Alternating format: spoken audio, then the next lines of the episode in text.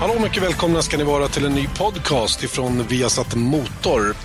Janne Blomqvist heter jag. Med mig har jag också Eje Elg, Formel 1-expert och det är inte så konstigt eftersom vi går in i ett väldigt avgörande skede av Formel 1-säsongen 2012. Och det gör vi nu närmast kommande helg då eh, vi kör i Abu Dhabi. Förra helgen så var det ju Indien, nu är det Abu Dhabi. Eje Elg, välkommen till programmet. Tack för det Janne. Tack, tack. Eh, ja du, Formel 1-VM tajtar till sig även om eh, det var så att eh, Sebastian Vettel drygade ut sin ledning senast. Nu när det har gått några dagar, vad, vad, vad känner du spontant? Nej, det är väl inte så mycket mer att eh, känna än att eh, man kan bara konstatera att han är eh, i sin livsform. Eh, teamet har fått ordning på saker och ting. Han har tagit 100 poäng på de fyra sista tävlingarna och det ser oerhört bra ut för Red Bull och Sebastian Vettel. Mm. Eh, och sen så läser man ju då eh, efterbörden efter Indiens Grand Prix och konstaterar att eh, det handlar ju väldigt mycket om för Ferrari att försöka hitta några tiondelar, framförallt på lördagen då, för att överhuvudtaget kunna utmana. Och just nu så känns ju inte det jättesannolikt. Nej, visserligen eh, var ju Alonso stark under racet i Indien, men eh, samtidigt så eh, glöm inte bort att Webber hade tekniska problem, en curse som inte fungerar och Vettel hade säkerligen stora marginaler. Så det är, det är ganska mycket som Ferrari måste hitta och det är väl det som är den stora frågan. Finns det någon eh, riktig chans eller möjlighet att, att de kan göra det? Eh, personligen tror jag att det är ganska svårt för dem. Vad är det de behöver, eh, alltså det är kvalfart då som det verkar och det är ju rena uppdateringar som, som Ferrari verkar ha stort behov av, alltså hitta tiondelar i det avseendet. Hur lätt är det att göra på en vecka? Ja, jag vet inte om man kan eh, förenkla det på det sättet och säga att det bara är uppdateringar. Du får inte glömma bort alltså var, var de startade säsongen. Eh, och det har de gjort i flera år förresten. De startar med, med saker och ting som inte fungerar överhuvudtaget. Och det är då man sätter konceptet så att säga. Eh, en bas som man jobbar ifrån sen. Sen har det, jag menar, som du inte kan ändra om med de eventuella uppdateringar. Då är det mycket enklare för, för Red Bull som har en, en riktigt bra bas att stå på. Visserligen några regelförändringar från förra året som betydde att man, eh, och, och framförallt ett däck som var lite annorlunda. Så man var lite lost där i början men man har fortfarande en ganska bra bas att stå på. Och då då, då är, det innebär att de här uppdateringarna som de kommer med, de är enklare att få fungera än vad, vad eh, andra team har, till exempel mm. Ferrari. Eh, och det, det, här innebär ju då, om jag, om jag, förstår det hela rätt, då, att det är liksom, för vi pratar ju väldigt mycket om det förra helgen du och jag, att det handlar ju snarare om att optimera det man har än att hela tiden plocka på nya grejer på bilen. Eh, det känns ju som att med, med, så lite körning som det är varje helg, eh, där man kan, verkligen kan testa nya grejer, så, så blir det ju så att man, det är inte säkert att man har, har fått ut allt av alla uppdateringar under säsongen så som den har varit. Stämmer Nej. det? Det, det, kan mycket väl vara så. Och jag menar, det finns ju några talande exempel. Eh, alla pratar om hur bra Mercedes eh, dubbla DRS är. Nu säger de att de eventuellt eh, inte ska använda eh, dubbla DRS för det är för komplicerat. Titta på Lotus, hur de har jobbat med sin, slösat bort en massa tid enligt mig som de borde ha fokuserat på andra områden. Och men, men, vi kan ju också, när vi ändå pratar om Lotus då, så kan jag här, dra en intressant sak som jag tycker i alla fall. Alla vet vi ju att Kimmy gjorde ett litet misstag på, på lördagen. Eh, han eh, hittade på någon förändring som inte fungerar och det led han av. Och det var ganska uppenbart vad han led av. Han led av att han hade ingen fart på raksträckan. Och då hade jag precis funderat på varför är det ingen som försöker sig på samma koncept som Red Bull? Att eh, eh offra lite toppfart, sitt till att få ordentligt med downforce i bilen och, och, och få den att gå runt svängarna. Och det är precis det Kimi gjorde. Men Lotusbilen är inte tillräckligt bra eh, rent generellt och därför så, så blev det som det blev. Han kvalade inte bättre än han gjorde och då fastnade han där han gjorde bakom massa. Mm. Eh, för det är ju många som har frågat, åtminstone mig, då, hur kommer det sig att han, att han eh, inte kom någon vart där han satt då? Och det är ju just det du pratar om då. Och det är ju det här vi har upplevt från Red Bull och många skyller ju Vettel för då, att många gånger inte kunna köra i trafik. Och han har ju aldrig riktigt haft det verktyget heller att ta sig upp genom fältet. Nu har han ju några lysande exempel på det också i och för sig. Men, men det ska man inte glömma bort när man dömer förare till höger och vänster. En förare är ju aldrig bättre än det material han har och de förutsättningar som ges när han kör. Nej, absolut. Jag håller med om det. Och, eh, eh det är ett känt faktum att, att så är det. Ska du vinna VM så måste du ha, förmodligen vara den bästa föraren och den bästa bilen. Men eh, om vi backar tillbaks lite grann till det du säger här Janne. Eh, så mig har det ju förvånat att det är så många som, eller att det är så få som verkligen försöker att följa efter eh, Red Bull i deras sätt att jobba. Nu gjorde Kimi det, men att eh, eh, det är förvånansvärt att ingen annan gör det. Men som sagt för, för det så krävs, för, för, att få det att fungera, så krävs det ju att du har ett, eh, en bil som du verkligen orkar ta pool med. För tar du inte pool, ja då är du helt rökt. Och då, även om du, om du heter Fettel eller Webber eller Räikkönen eller vad det än heter, eh, hamnar du sexa, sjua, ja då, är, då blir du sexa, sjua, punkt slut. Mm, det är ju den, den, uppenbara konsekvensen av det. så att säga. Sen är det väl så, jag tror inte det, att, att många inte kan välja att göra som Red Bull för de har, inte, de har liksom inte det materialet. Deras designkoncept bygger inte på de fundamentala sakerna. som Adrian Newey jobbar ju oerhört mycket med att det ska vara en bil som är snabb i svängarna och inte så mycket toppfart. Och hans tankesätt har ju verkligen slagit igenom de tre senaste åren kan vi säga. Ja, men det är precis det jag menar när, jag, när vi pratar om Ferrari inledningsvis här. Eh, det går inte att bara eh, trycka på en knapp och bestämma, eller trycka på en knapp. Mer downforce, det är jättelätt Janne. För det är bara att vinkla upp vingarna rakt upp eh, så, så är bilen klistrad i backen. Men problemet är att du tappar ju, tappar ju så ofantligt, ofantligt mycket fart på raksträckorna. Så att det du, eh, du kan aldrig kompensera för det som du måste offra. Och, och det är ju hela baskonceptet på bilen. Och där ligger ju naturligtvis Adrian Newell år i, i eh, år före konkurrenterna eftersom han jobbar med samma koncept och, och varit, eh, eh, liksom hållit kvar den röda tråden rakt igenom i flera år. Så att han eh, han, eh, eh han, jag menar, han, han känns nästan till oslagbar just nu. Mm. Eh, innan vi kommer in på vem av Vettel Alonso som är bäst förare, så att säga. Jag vet att det är en ganska infekterad fråga hos många. Eh, jag försökte mig på att förstå lite grann vad Red Bull har gjort så bra och det jag lyckades komma fram till, eller som till exempel Gary Anderson då, som har många år bakom sig, kommit fram till är ju att de har liksom tagit de bästa, eller de har tagit delar av två nu mer förbjudna koncept, nämligen double diffuser och blown diffuser och tagit lite av varje och, och implementerat det till årets regelverk och nu på slutet av säsongen verkligen fått det att funka. Och det är ju rätt, eh, det är rätt intressant och det har ju vi pratat om också mycket att det, det, det ingenjörerna och designers har lärt sig, det kan de inte lära av utan då fortsätter de utveckla det fast på olika sätt. Självklart, men eh, jag vet inte vem det är som inte har jobbat enligt samma koncept och försöka eh, få tillbaks det man har tappat med de regeländringar som har kommit. Det har alla gjort, men man har haft olika varianter på det. Och framförallt så är det Adrian Newey som eh, fick ordning på det på, på ett eh, tidigare stadium än de andra. Eh, dock ska vi inte glömma bort att eh, det såg inte så jättebra ut för Red Bull i början på året.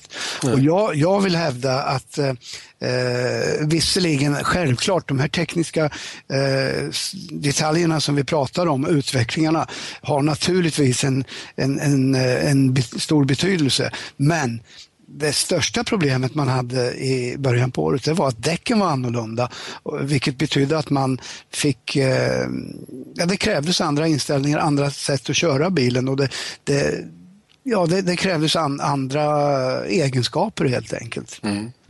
Och eh, det här med vad Red Bull har gjort nu på slutet, det är ju, jag ska ju absolut inte uttala mig eftersom jag inte är någon tekniker på det sättet, utan jag kan ju bara läsa mig till vad andra som kan de här sakerna skriver. Och det man, eh, när man jobbar med den, den dubbla diffuser-teknologin så att säga, så har man ju nu på slutet då fått lite ordning på det här med att leda in eh, avgaser och luft in över diffusern så att säga då, och få det att fungera på samma sätt som eh, som den luft som kommer in under. Plus att man då med hjälp av avgaserna sen då stänger diffusen på sidorna och lyckas behålla luften eh, in i diffusen då och få det, det då att bli mycket effektivare också. Ja, men det här är ju heller, det är absolut inget nytt utan det här är ju någonting, precis som jag säger, som alla strävat efter och, och kallar det dubbel diffuser. Eh, ja visst, men, men vad det är, det är ju den här beamvingen egentligen som mm. då i praktiken fungerar som det. Eh, eller får en liknande effekt. Va? Så att det, det, det är ju så att eh, redan när det nya regelverket kom förra året så började ingenjörerna att jobba med just den här typen av eh, eh tankegångar. Ska vi komma till frågan då som många ställer sig och som många vet, som många har svaret på uppfattar jag det som. Vem av Vettel och Alonso är bästa föraren? Det var en eh, svår fråga, men, eh, eh Grattis! Men, men, med tanke på, men med tanke på hur de fyra sista tävlingarna har sett ut, eller kanske mer än de fyra sista, så är det väl bara att konstatera att i nuläget så eh, ser ju eh, Vettel väldigt, väldigt stark ut och eh, det är inte så enkelt som att bara säga att den ena är bättre än den andra, för att eh, allting är naturligtvis beroende på vad man sitter i för bil dessutom. Ehm, om vi tittar på Alonso, ja då alla höjer honom till skyarna just nu och så vidare. Men å andra sidan, det är svårt att veta exakt hur dålig eller hur bra är en bil. Visst, man kan jämföra med teamkompisen och det, det, det är det enklaste sättet att göra. Och eh, gör vi det i eh, Alonsos fall, ja då ser han ju verkligen, verkligen bra ut. Men, men om vi ser till, eh, ta loppet senast då. Vettel kontrollerade från, från start och hade inga som helst problem och åker naturligtvis med mer eller mindre överlägset material längst fram och vinner det racet. Alonso från femte rutan tar sig då eh, på många olika sätt upp till en slutlig andra plats och det är lätt att säga då att Alonso har gjort ett bättre jobb än vad Vettel har gjort och fått framförallt jobba mer för det. Eh, men, men eh, hur ska man bedöma förare? Kan man bedöma nej, förare? Nej, nej, men en sån, en, eh, sådana kriterier ner, Det, det biter i alla fall inte på mig, Janne. Eh, för att en, en förare, ska vi bedöma vilken förare som är bäst i världen, för det är ju det vi pratar om just nu, då kan man inte bara titta på eh, vad som hände i söndags och vad som eventuellt händer nästa söndag. Utan då måste man ju titta i ett mycket, mycket bredare perspektiv. Och eh, eh Ja, det, det, det, då kommer man in på statistik och sådana här saker. Och, eh, Janne, det, det, är en mycket, mycket svår fråga att besvara. Va? Men eh, det går ju inte att bortse ifrån att eh, Sebastian Vettel just nu är väldigt, väldigt stark. Och han, han har ju faktiskt vunnit 26 eh, Grand Prix på eh, strax under 100 race som han mm. startade. Och det är inte illa hyfsat facit. Men då kommer ju då argumentet, ja men det är väl inte så svårt när man sitter och kör en Adrian Newey-bil. Nej, men eh, varför gör inte alla det då? Kör en Adrian Newey-bil? Ja, det finns ja. bara två till att börja med. ja, men det är det jag menar. Alltså det, ja. och, och, eh, vem vill ha en sån bil i april månad i år till exempel? Då såg, det inte, såg det inte så bra ut. Så att, eh, eh, får jag aldrig glömma bort alltså att, att föraren är ju en väsentlig del av utvecklingen på bilen och eh, drivande i frågor som gör att det blir en bra bil i slutändan. Och det handlar ju om allt, eh, deras, deras sätt att kunna, kunna eh, hantera en bil på gränsen eller över gränsen och framförallt att förmedla det till ingenjörerna så de får någonting att jobba med i kombination med allt annat, allt annat som man har. Så att ehm, Eh, och, då, då, kommer vi in på, då kommer vi in på andra frågor, eh, eller på, på, nästa fråga. Och det är ju då, då, att, eh, sen har vi det här med försteförare och andreförare. Okej, okay, då är det vissa team, Ferrari, de har en försteförare och sen har de en supportförare. Sen är det vissa andra team, typ McLaren, som säger nej, vi har ingen försteförare. Eh, Red Bull, samma sak, nej, vi har ingen försteförare. Men du, om han, han har, får inte glömma bort att Vettel har varit hos Red Bull sedan han var 12-13 år. Eh, det har satsats, satsats ofantliga summor på honom. Var de än säger, och jag är övertygad, eh, övertygad om att Mark Webber är helt inne på, på samma linje, även om han inte erkänner det utåt. Självklart är Eh, Sebastian Vettel försteförare och den man lyssnar på när det gäller att bestämma vilka riktningar man ska gå med saker och ting. Och eh, jag säger ytterligare en, en gång eh, det bästa jag hört i det avseendet, det är ju David Coulthards eh, snack om, om försteförare och andreförare. Han själv var alltid andraförare och sen helt plötsligt så blev han eh, försteförare. Och som han sa, det var en otrolig skillnad för helt plötsligt så det räckte att han sa att en vinge inte funkar, ja då de bröt av den på mitten i stort sett. Den kom aldrig fram. Men är du andreförare och säger att ja, men vingen funkar inget, in, inte så bra, då säger de ja men pröva några gånger till därför att eh, din teamkompis åker två tiondelar snabbare. Så det är ju frustrerande. Va? Och, eh, det, det, är oerhört viktigt att eh, att uh, komma ihåg att det är alltid en förare som drar det tunga lasset i ett uh, stall. Och uh, här har vi alltså Vettel som började hos Red Bull när han var 12-13 år. Mark Webber, var kom han ifrån? Ja, de fick honom på köpet när de köpte Jaguar. Så att vi, vi kommer ingen vart alltså med det här, tycker du? Ja, det gör vi väl. Ganska lång utveckling. Men, men jag har väldigt svårt att, att Eh, okej, okay, säg så här, för, för jag tror det var förra året eh, när han vann VM Vettel så sa jag att jo, jättebra, han har gjort en otroligt bra säsong. Jag betecknade, när jag, på en direkt fråga sa jag om han var, skulle komma in bland de riktigt stora i branschen, typ Michael Schumacher och eh, vilka vi nu pratar om. Eh, då sa jag att nej, inte riktigt. Han behöver nog visa att eh, eh, visa att han eh, klarar av det här i en bil som inte är riktigt lika bra. Och det har han fortfarande inte behövt gjort, men att ligga kvar på den här konstant höga nivån som han har gjort hos Red Bull är ändå, tycker jag, ett väldigt, väldigt starkt tecken. Och eh, eh Sen, sen, är det ju, jag menar, det är ju andra faktorer som kommer in. Eh, ta till exempel Hamilton som nu byter till ett nytt stall. Det ska bli mycket intressant att se vad händer med han. Kommer det gå uppåt eller neråt eller åt sidorna eller vad, vad kommer att hända? Eh, jag tror att för att vara någon, för att bli riktigt, riktigt bland de allra största så måste man vinna i något mer, i ett mer, mer än ett team. Eh, ja, men det har ju Vettel. Han vinna VM. Ja, du menar vinna VM i, i flera olika team, ja. Typ Alonsos möjligheter att göra det för Ferrari då kontra Renault. Jag tror du menade race. Nej, nej. Uh, det, det, är... Uh, jag vet vad du syftar på. Du syftar på att han vann i Toro Rosso på Monza.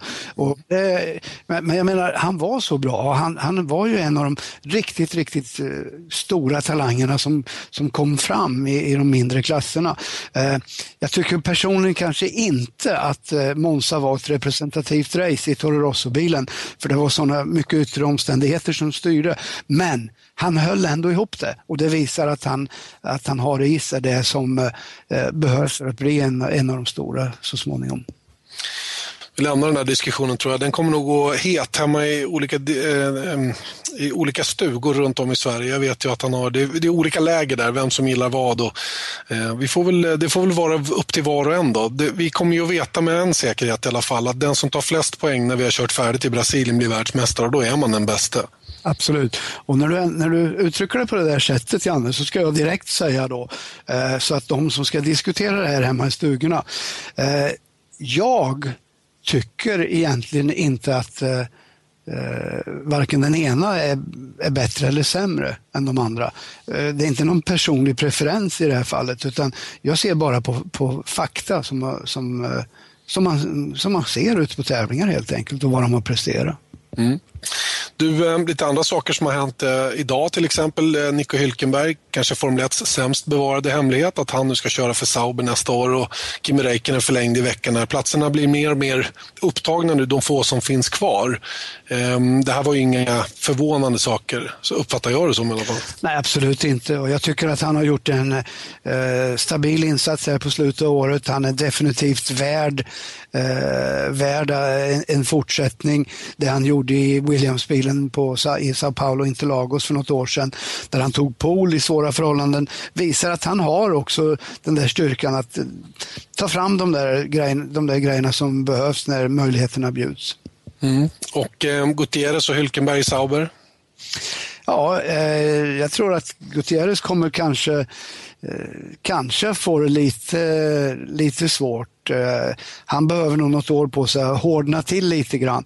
Han har visserligen eh, eh, han, han, är, han är snabb, det är ingen, ingen diskussion om den saken. Men han, han har lite kontroversiell körstil eh, som är lite annorlunda och jag tror att det kan komma att straffa sig ganska hårt när han kommer upp bland de stora pojkarna. Så att eh, han behöver nog lära sig lite under ett par år. Men har Finns... naturligtvis till, eh, har möjlighet att, att bli jättebra. Eh, och sen har vi då vem som ersätter Hylkenberg i Force India. Där är det ju lite mer öppet. Då. Det finns ju ett antal namn. Jag vet att du lutar lite åt Bianchi där va? Ja, han, eh, han har ju ganska väl på fötterna och jag menar någonstans så måste vi ju, vi måste ju fylla på med unga pojkar, Janne. Det går inte bara titta i de gamla leden. Men jag menar, vad vet jag? Det, det är ingenting egentligen vem som kommer att hamna där. Varför inte Heikki Kovalainen då? Mm. Eller eh, Adrian Sutil eller till exempel, till varför exempel. inte Jaime Algusari då som vi har haft på tungan också när det gäller just den platsen då i Force India. Det ska bli intressant att se. En annan grej som jag skulle vilja ta med det också är, det är ju det här med Romain Grosjean. Vi, det hade vi också en liten en pratstund du och jag om. Vad är, vad är grejen med Grosjean? Det här att han hamnade i sån klammeri med rättvisan. Att han körde in i folk och så vidare. Och vi var rätt eniga om att det kändes som att Grosjean fortsatte att köra som om han skulle vinna Here's a cool fact a crocodile can't stick out its tongue. Another cool fact you can get short term health insurance for a month or just under a year in some states. United Healthcare short term insurance plans are designed for people who are between jobs, coming off their parents' plan, or turning a side hustle into a full time gig. Underwritten by Golden Rule Insurance Company, they offer flexible, budget friendly coverage with access to a nationwide network of doctors and hospitals. Get more cool facts about United Healthcare short term plans at uh1.com. Hey, I'm Ryan Reynolds. At Mint Mobile, we like to do the opposite of what Big Wireless does. They charge you a lot, we charge you a little. So naturally, when they announced they'd be raising their prices due to inflation, we decided to deflate our prices due to not hating you. That's right. We're cutting the price of Mint Unlimited from $30 a month to just $15 a month. Give it a try at mintmobile.com slash switch. $45 upfront for three months plus taxes and fees. Promo rate for new customers for limited time. Unlimited more than 40 gigabytes per month. Slows. Full terms at mintmobile.com. vinna VM hela tiden och hade liksom inte accepterat eh, sin position i starten och vad han har för bil att åka med. Att sådana saker eh, faktiskt eh, gav honom fel input så att säga in i varje situation. Håller du med om det? Ja, det är väl kanske en bra beskrivning och det här är någonting då som släpar med från hans tidigare karriär där han har, eh, han har klarat sig undan med det här. Va? Och det är bara det att eh, du gör inte det i Formel 1 utan eh, därför måste du nog anpassa dig lite mer till omgivningen än vad han eh, eh, än vad han gjorde. Men jag, det var, jag menar, om vi ska titta på de sista två tävlingarna nu så eh, visst märker vi skillnad. Så på något sätt så känns det väl ändå en, som att en polett äntligen har trillat ner. Ja, men man kan inte åka som om man ska vinna racet när man inte har grejerna att göra eller hur? Det var lite Ja, så det väl, ja, visst, men det är, väl, det är väl bra att han vill mycket. Jo, i och för sig. Det, det gick ju som det gick. Ja. Men han, han har varit likadan i GP2, han var likadan i Formel 3 och eh, allt han har gjort. Och, och eh, jag menar maken till dumma grejer som jag har sett han gjort under en, under en längre period. Men hur man än vänder och vrider på det så är det alltid någon som säger ja visst men han är snabb, han är snabbare än de flesta eh, och det är liksom grund, grundegenskaperna för att bli en riktigt bra racerförare. Fine. Antagligen, så är det. Eh, det är Romain Grosjean. Vi har Abu Dhabis Grand Prix kommande helg och för en gång skulle det precis vanliga sändningstider som gäller. Viasat.se sport. Där hittar du alla tablåtider. Idag läste jag också på vår egen Facebook att vi släpper appar för, eh, eh, för tablåer och sådana saker. Och är man intresserad av detta kan man säkert hitta dem där på vår Facebook-sida, alltså facebook.com Viasat Sverige. Eh, lite andra intressanta... Ja, förlåt. Janne, får, Ja. jag sticka in en liten Ja, grej innan vi lämnar F1 där? Ja. Och, du, du pratar om Abu Dhabi och eh, allting kan naturligtvis förändras med andra banor och så vidare. Men eh, hur har det sett ut de tre sista åren där? Vet du det? Nej, jag, inte på Nej, jag vet. Jag vet, att, jag vet att Vettel hade pole och att han körde punktering redan i starten. eh, Ah, förra året, ja. ja. Annars hade han vunnit då. Mm, sannolikt. sannolikt. Men 2010, ja då vann han. 2009, ja då vann han också. Mm. Så att, eh, eh, att, att ha förhoppningar om att, eh, att Red Bull-bilen inte ska funka där, det kanske är lite överdrivet. Men du, samtidigt sa du till mig att eh, du trodde att det är där Ferrari har en liten chans ändå. Ja, men när man tittar på den där banan, Janne, så är det ju så här att det, är en hel del eh, långa raksträckor. Både första, första partiet som, okej det svänger men det är flat out ända ner till första chikanen och så vänder det runt en hårnål. Lång raksträcka, chikan, lång raksträcka. Så det är mycket, mycket, eh, många ställen där Red Bull borde förlora en hel del tid. Eh, men eh, ehm, och, och, det talar då emot dem. Men sen om man tittar då på statistiken, ja, då är det bara att konstatera att eh, eh de har varit snabba där också. Och jag kommer så väl ihåg när vi var i Abu Dhabi första gången, när man såg en ritning på den där banan. Då tänkte man äntligen en bana som det går att köra om på. Mm. Aha. Ja. Totalt hopplöst. Mm. Så att, eh, det kanske inte är riktigt vad det ser ut som. Nej, verkligen inte. Men det är en häftig anläggning i alla fall. Det ska bli kul att se eh, var det kommer att ta vägen. Om det är så att Fernando Alonso knappar in eller om Vettel drar ifrån ytterligare. Jag utgår ifrån att det är de två det handlar om, även i Abu Dhabi, precis som det var i Indien. Med lite inblandning från både McLaren förstås och Mark Webber. Eh, det om detta. Hörrni, det har ju varit eh, svenska framgångar i veckan också. Johan Kristoffersson eh, vann ju i STCC tidigare. Han vann Carrera Cup Scandinavia och nu i helgen så var han på en bana som jag vet att du har pratat väldigt mycket om, den i Pergosa, eller Enna. En riktig högfartsbana där det gäller att smälla på curbsen så det bara dånar om dem man ska vara snabb, eller hur? Ja, det är bara tuffingar som vinner där och jag vann väl där tror jag. Ja, det gjorde jag. Jag vann. Ja, ja det är bra. Johan Kristoffersson var där i alla fall förra mm, helgen och tävlade i det här Superstars och det gick ju ganska så bra. Han tog ytterligare en mästerskapsseger i samband med detta och just idag, eller snarare igår, så, så fick vi tag i, i Johan Kristoffersson som då var på plats nere på Vallelunga och där är det Porsche som har någonting. Det är lika bra att han själv får förklara vad det här är för någonting. Porsche Motorsport International Schooler, eller ja, skola, team liksom, eller något sånt här tror jag. Och eh, vad ska det utmynna i då? Det är åtta stycken, nej nio stycken utvalda. Det är väl en ifrån varje nationellt mästerskap då. Och sen har det två wildcards som Forsa har valt ut. Och så är vi här och brummar allt vi vi är här och brummar allt vi och sen är det två stycken som får hjälp för Supercupen nästa år. Då. Ja, och det skulle kunna vara intressant för dig. Uh, ja, absolut. Det skulle det kunna vara. du har ju haft en fantastisk säsong. Det är ju därför vi ringer dig egentligen då. Eh, inte minst då för att du dels vann STCC, du vann Porsche Carrera Cup Scandinavia eh, och sen gick du och vann du både tre olika kategorier av racing i samband med det här Superstars. Eh, på Pergusa nu nere i Enna, Italien, på Sicilien i helgen. Trots att det blev lite märklig avslutning. Beskriv, vad var det som hände där? Uh, ja, först när vi kom dit så visste vi att vi inte skulle riktigt hänga med på pacen då, och i och med att banans layout är som man är. Och sen när vi kom, du, kom dit så insåg vi att vi kunde inte ta curbsen lika hårt som våra konkurrenter. Eh, uh, vår bil är så tung då, uh, väger ja, över 1500 kilo. Så vi kunde inte ta curbsen på samma sätt som dem, plus att vi var ja, för långsamma på raksträckan. Så vi var ju ja, fem sekunder off per varv då. Hur känns det när man kommer till en final och är fem ja. sekunder efter på träning? Ja, precis. Och då var ju liksom... Jag åkte dit för att försvara mästerskapsledningen och så man vill ju fighta för mästerskap och så kommer man dit och så är man fem sekunder efter varandra. Det är ju lite jobbigt då. Så att det vi gjorde egentligen var bara att vi bestämde att vi kör runt curbsen, sparar bilen och så liksom, ja, för vi kommer inte kunna köra om någon i alla fall. Liksom. Så vi bara åkte dit och så tar vi bilen i mål och så får vi se hur långt det räcker. Och mycket riktigt så var det ju många bilar som bröt där i första racet där. så jag kom ju ända upp till en femteplats då, helt otroligt. Och det innebar då inför den verkliga finalracet då, dels vann du ju då Rookiemästerskapet, för det säkrade du redan där va? Ja, och den International, den Italien där menar jag. Italien Just det. var ju också klar i första. Just det. Och sen var det då själva finalen då, där det skulle köras som titeln i det här Superstars. Eh, du och Vittantonio Liuzzi var skilda åt med sex poäng inför finaltävlingen och, och ehm, ja, det kändes väl sådär att åka ut i det racet då med tanke på förutsättningarna. Ja, verkligen. Det som, det som jag var rädd för var egentligen att vi skulle bli just påkörda eh, bakifrån då, i och med att de det är svårt för dem att förstå hur långsamma vi var genom chikanerna när vi var tvungna att åka runt kursen. Så det var egentligen min största rädsla innan då, att innan alla bilar hade fått passera att jag skulle bli hamna i något trubbel då.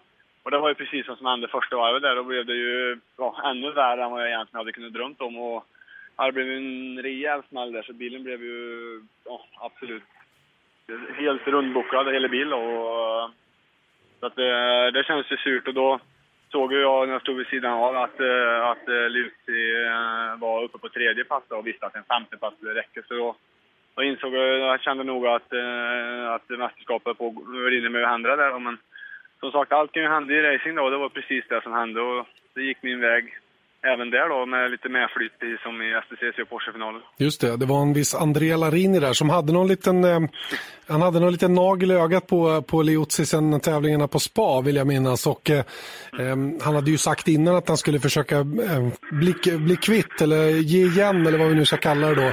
Sen vet inte jag, den situationen blev ju såg lite märklig ut. Larini åkte av och tog med sig Liuzzi av banan så att säga och förstörde hans bil. Och, och därmed mm. kunde du bärga titeln om vi, om vi säger att det här blev en titel, även om det var tre titlar du körde om i Italien, så säger ja. vi att det är en då, så har du vunnit STCC och Porsche Carrera Cup Scandinavia, har nu chansen att eh, få gott stöd för att köra Porsche Supercup nästa år. 2012 har varit ganska bra va?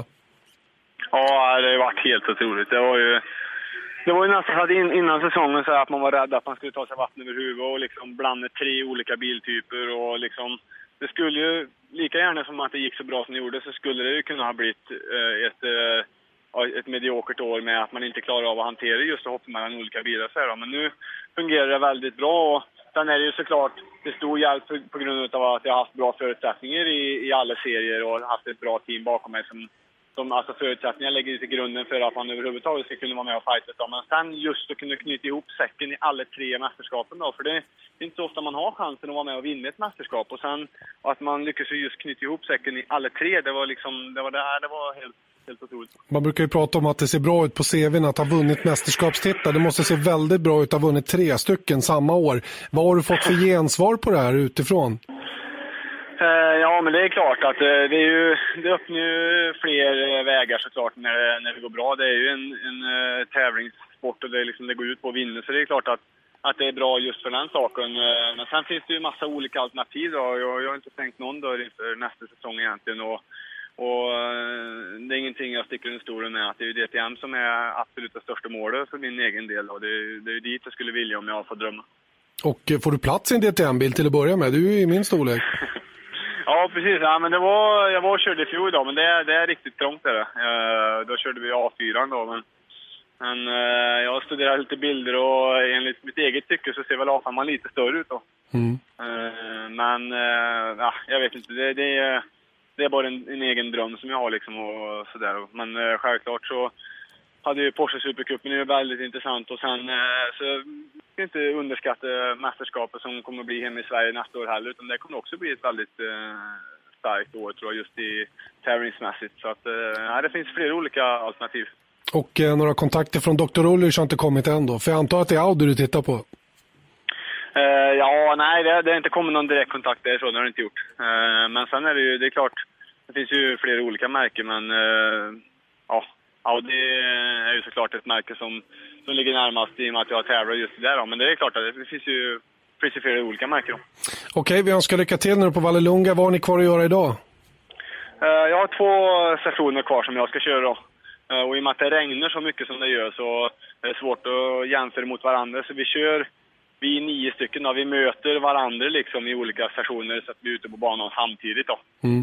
Uh, så jag har kört emot fyra stycken killar nu då i två olika sessioner. Vi har tre bilar och sen så är det två omgångar till nu då, i eftermiddag.